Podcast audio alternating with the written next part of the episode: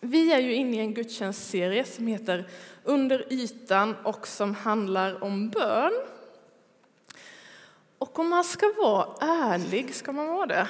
Ja, kanske. Så tycker jag lite nu och då att det är ganska svårt att be. Eller jag vet inte, men kanske inte så svårt, men det verkar som att en del kan be så länge, brukar jag tänka. Eh, medan jag ganska ofta känner mig klar ganska fort. Eh, om ni undrar vem jag är, så där, vem är du?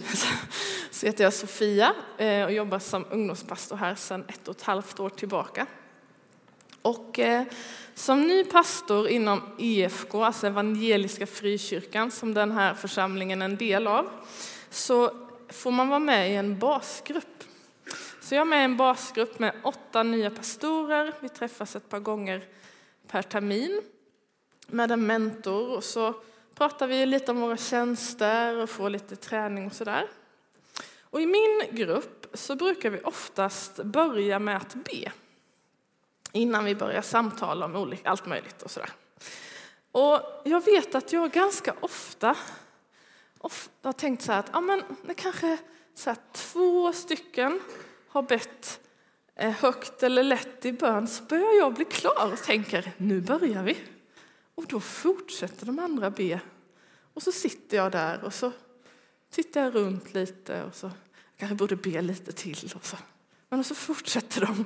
Ehm, och det behöver ju inte vara något problem eller så, men det blir väldigt lätt att jag jämför mig. Oj, de verkar kunna be så länge. De verkar be så innerligt och så sitter jag här. Eh, och jag vet inte om du har tänkt så någon gång. Jag kan tänka mig att ganska många har gjort det. Borde jag inte kunna be längre? Eller mer liksom hjärtligt eller sådär. Eh, och vi säger ju ofta så här i kyrkan, vi säger det är lätt att be. Alla kan be, vem som helst kan be och man kan be hur som helst. Och det är sant. Det är faktiskt fantastiskt. Alla kan be. Det är lätt att be. Gud lyssnar på allas böner oavsett hur fromma de låter eller hur stappliga de låter. Men med det sagt så tänker jag att det finns en sak som vi ganska ofta missat. I alla fall tror jag att min, min generation har missat det. Och det är det att alla kan be. Gud hör alla böner. Men en bön är också precis som mycket annat en träningssak. Man kan också samtidigt lära sig att be.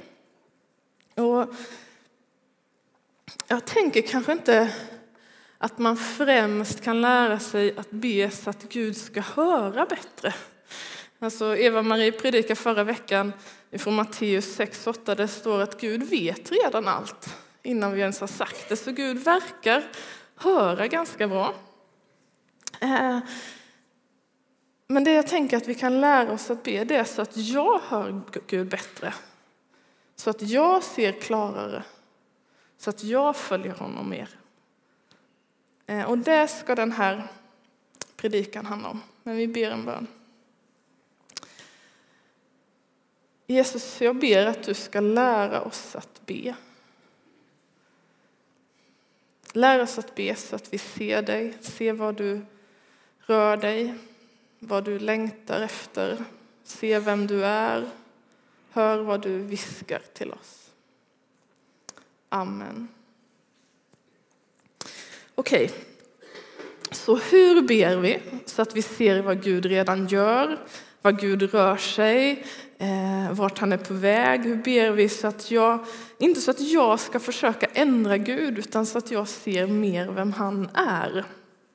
Och det finns ju alltid flera svar på det där. Det finns aldrig liksom ett enkelt svar. Och jag tänker att vi är olika.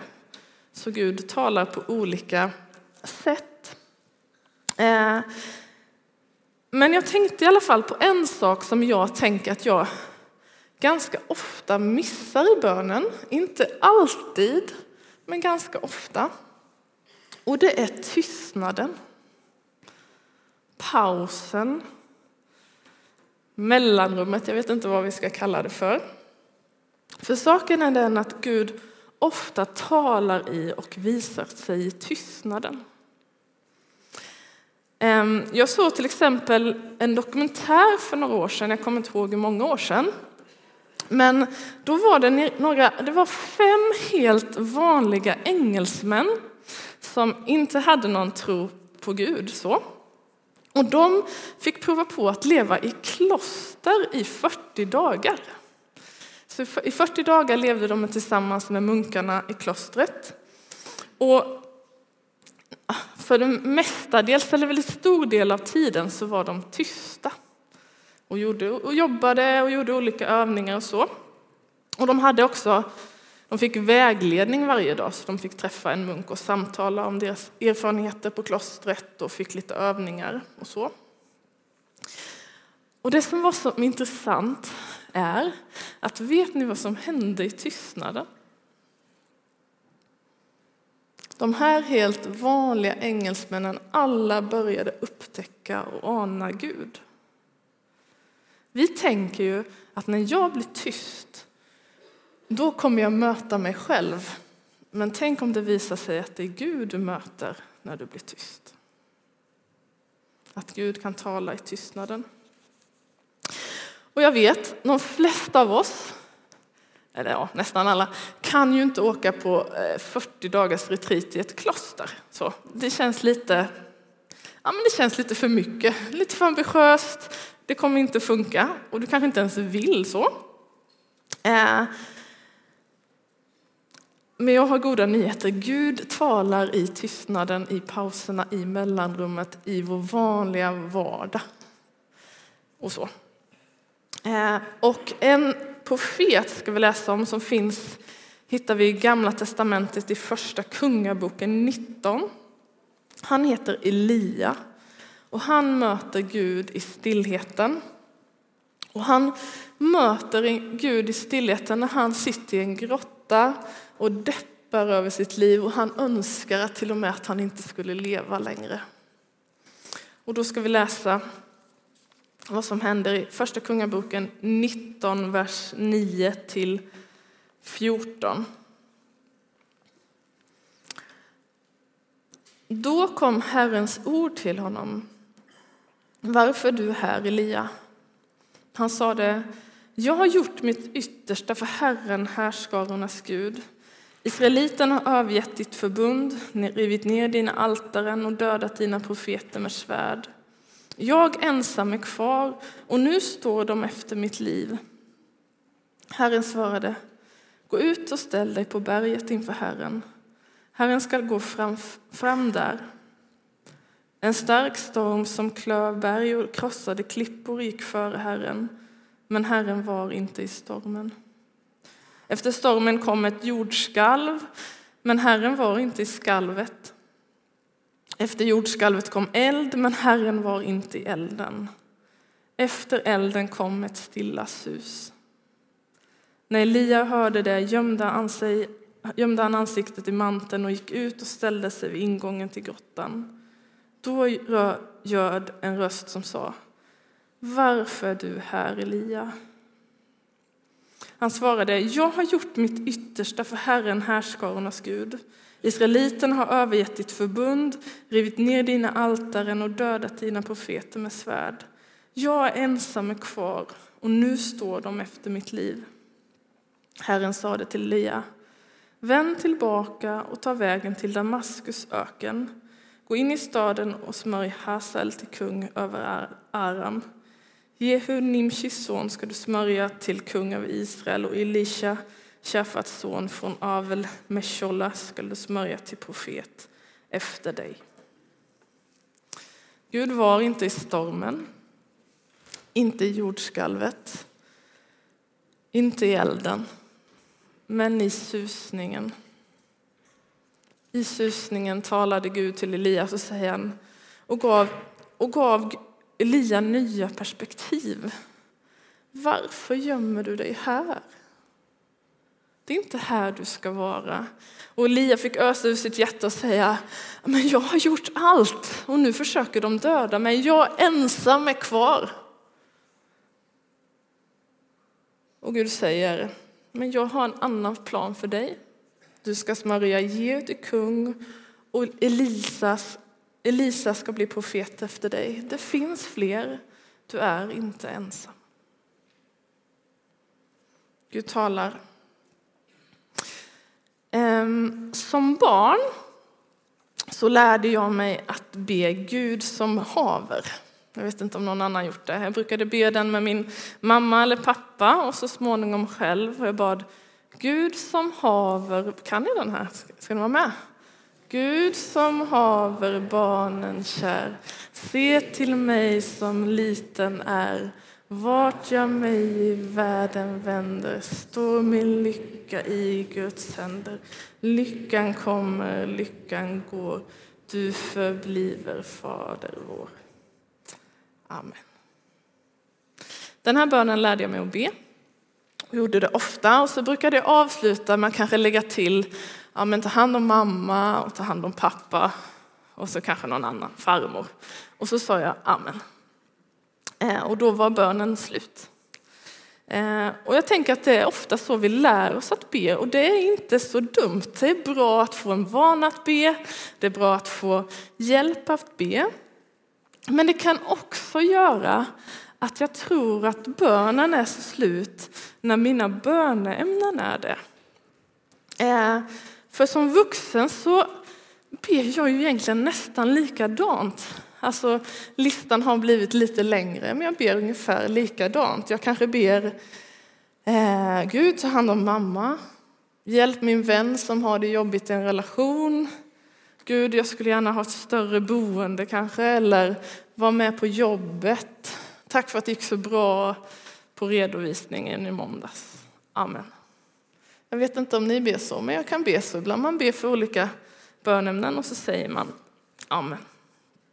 Eh, och då frågar är det fel att be så? Nej, verkligen inte.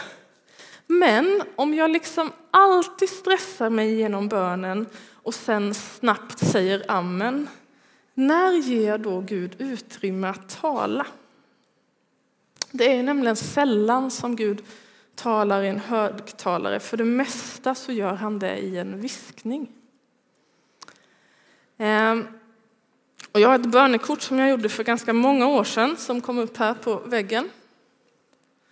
Ehm, och eh, jag brukar följa det ganska ofta. Ni ser ju inte det riktigt här, men det står lite olika bönämnen för olika dagar. Till exempel står det onsdagar, be för familj, flyktingar, så står det tack för att du alltid är nära och så punkt, punkt, punkt. Så kanske be för någon och sådär. Och det, ja men jag gör det ganska ofta, nästan varje dag. Ofta så är det en väldigt kort bön. Alltså det är verkligen så här, ja men Gud ta hand om min familj, jag tänker kanske speciellt på min syster idag. Eh, var med om flyktingar, du känner de här som jag känner, var med dem. Amen. Det, alltså den är, bönen är inte längre än så som jag sa nu. Så brukar jag be. Eh, och egentligen är tanken på slutet så står det lyssna och så står det bli stilla och besinna att jag är Gud. Och ett tag så var jag hyfsat på att liksom återkommande ha med det där varje dag, för tanken var att det skulle vara varje dag. Eh, men det har jag tappat bort här sista ja, året, jag vet inte. Eh, men samtidigt så tror jag ju att Gud vill tala till oss i stillheten.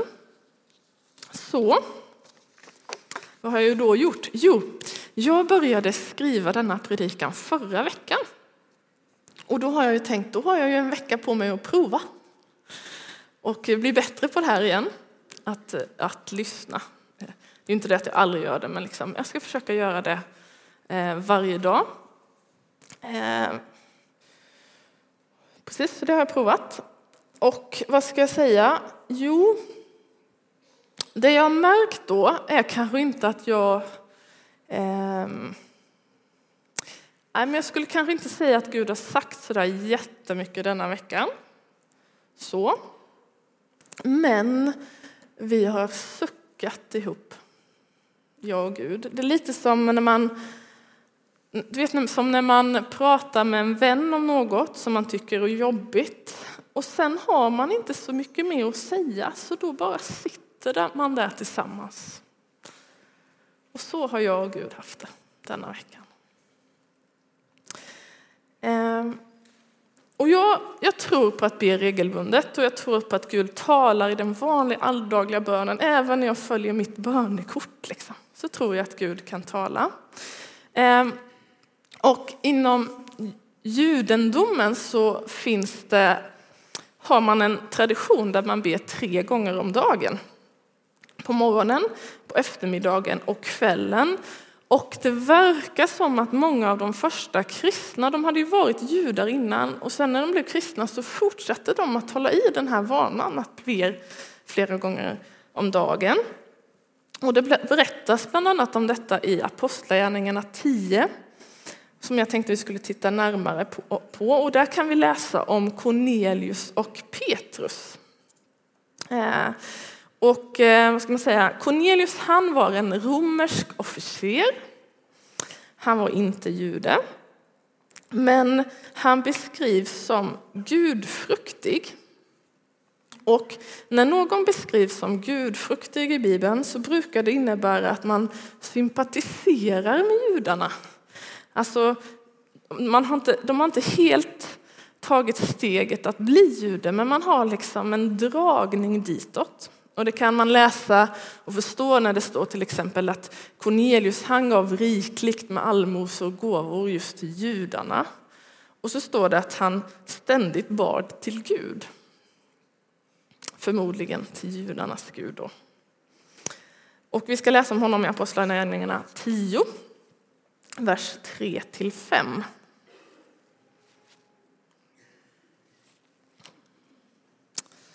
Apostlagärningarna 10, 3-5.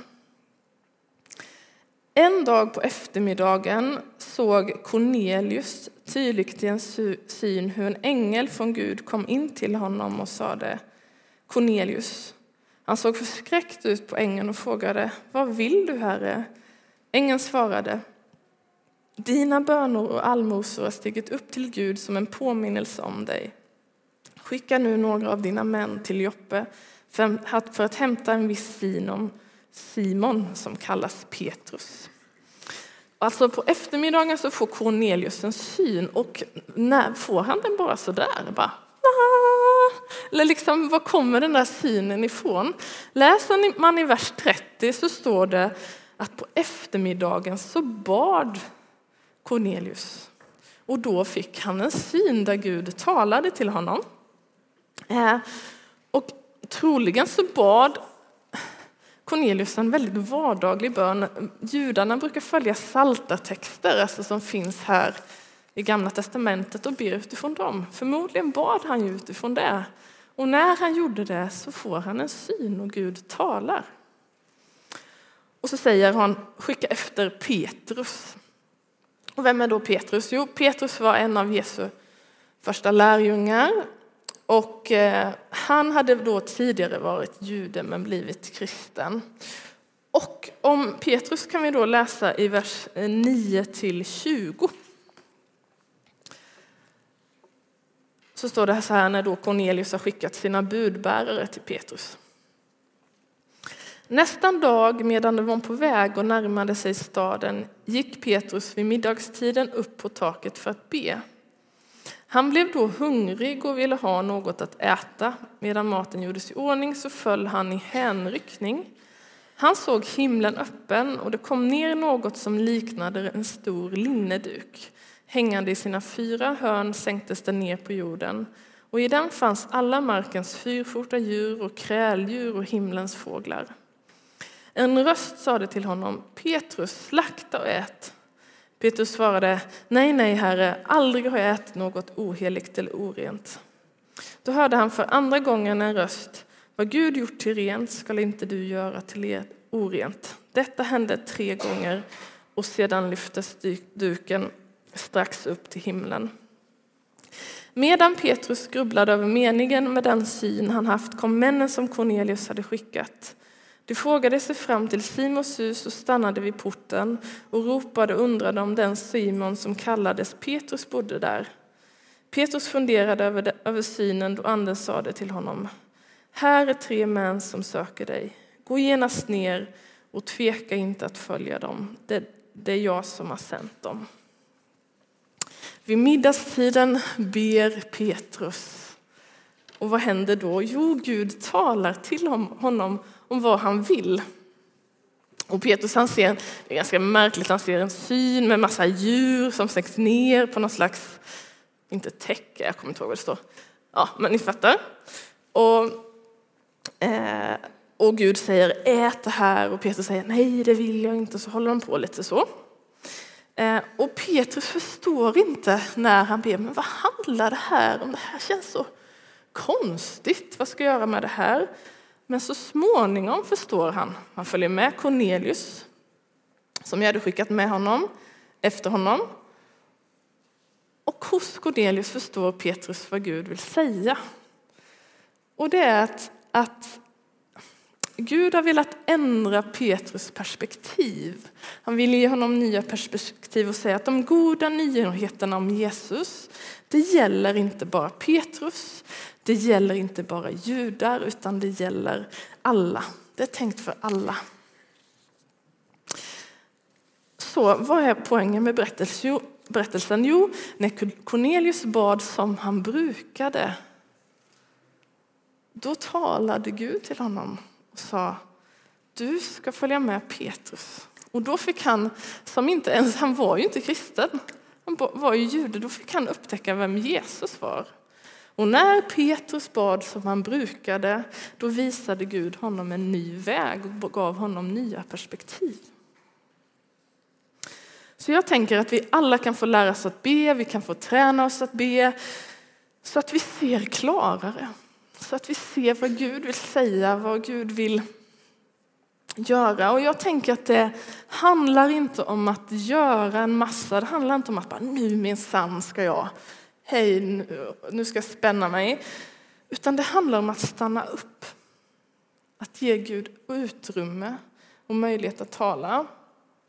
Och kanske tänker du så här, men alltså om jag är tyst, du ska bara veta hur det blir om jag är tyst.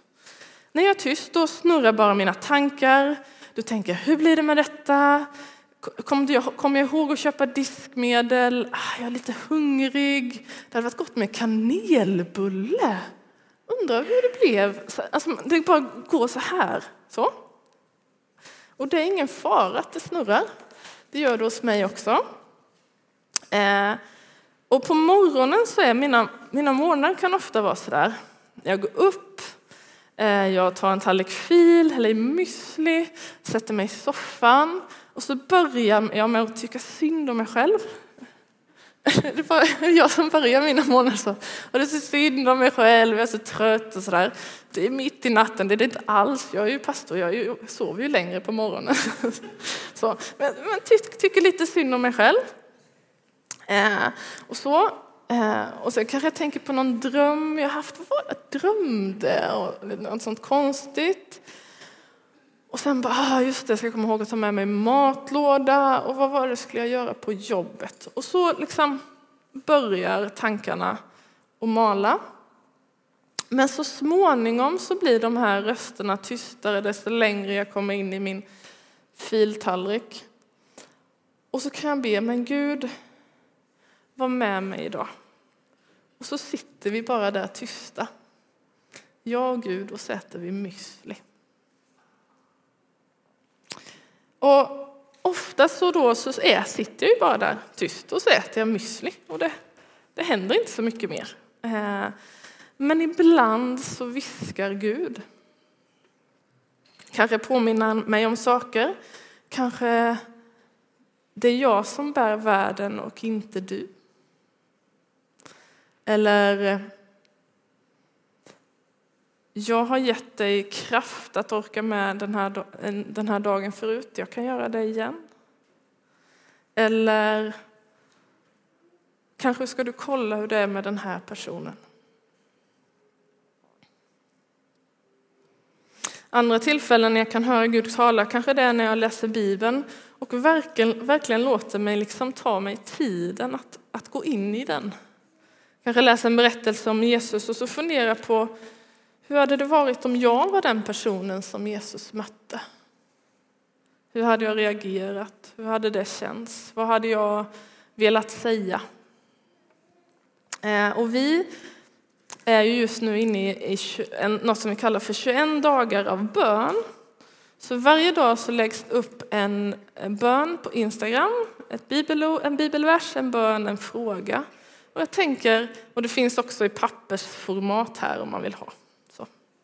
Och jag tänker att det kan vara ett sånt där sätt att läsa en vers, att ta sig tid och fundera på den där frågan och be en bön och låta Gud tala.